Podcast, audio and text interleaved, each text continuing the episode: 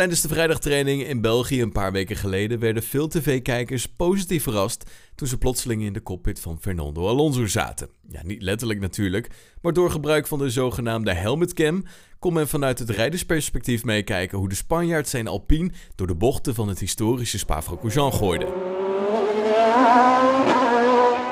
Tijdens het raceweekend in Monza werd dit stukje techniek in de helm van George Russell gemonteerd. Maar ja, door de lengte van de jonge Brit kwam vooral dashboard goed in beeld. En dit is direct ook een pijnpunt voor de teams, maar daar laten over meer. Want waar komt het gebruik van deze techniek nou eigenlijk vandaan?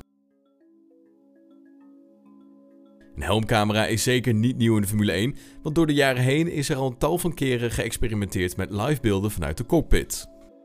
In het seizoen van 2000 werd het bijvoorbeeld uitgeprobeerd en ook in 2012 en 2013 was het terug te vinden in de sport. Hierna werd het om verschillende redenen lange tijd niet meer gebruikt, voornamelijk vanwege de kwaliteit, want het is lastig om tv-waardige beelden te produceren omdat het om een zeer klein cameraatje gaat. Ja, als je dan tegen de zon inrijdt of een coureur net even niet perfect met zijn hoofd naar voren kijkt, dan is het al snel niet meer bruikbaar. Daarnaast gaf het vanuit sommige hoeken het onterechte beeld dat Formule 1-coureurs ja, gewoon op hun gemakje over het circuit zouden cruisen. Dat de helmbeelden dit jaar weer terug zijn in de Formule 1, dat hebben we voornamelijk aan de Formule E en de IndyCar-series te danken.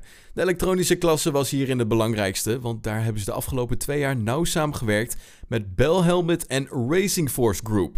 Zij hebben een systeem genaamd Driver's Eye System ontwikkeld. In de basis is het een cameraatje ter grootte van een eurocent met een gewicht van 2,5 gram.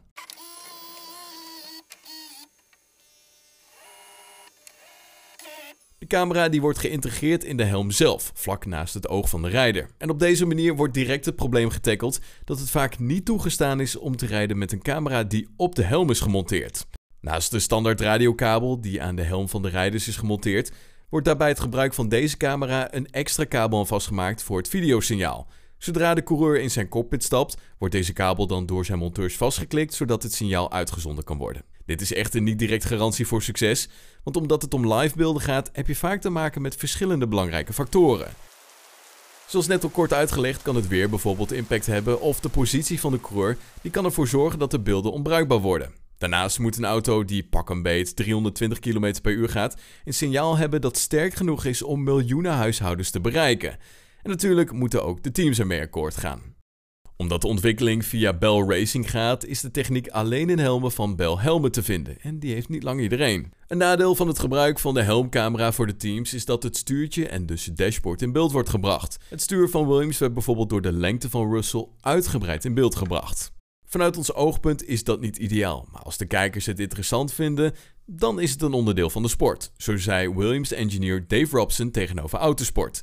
De installatie van de camera zelf is prima en levert ons geen problemen of nadelen op. Het draait puur om waar we het eerder over hadden, wat betreft wat er zichtbaar is op het dashboard. Maar goed, bij ons is er echter niets bijzonders op het dashboard te zien dat verborgen moet worden. En goed, dat was hem dan de GP Event Special van deze week. Heb je genoten van deze aflevering? Vergeet ons dan vooral niet te volgen op Spotify. Wil je op de hoogte blijven van het allerlaatste Formule 1 nieuws? Ga dan naar gpfans.com. Tot de volgende. Hoi!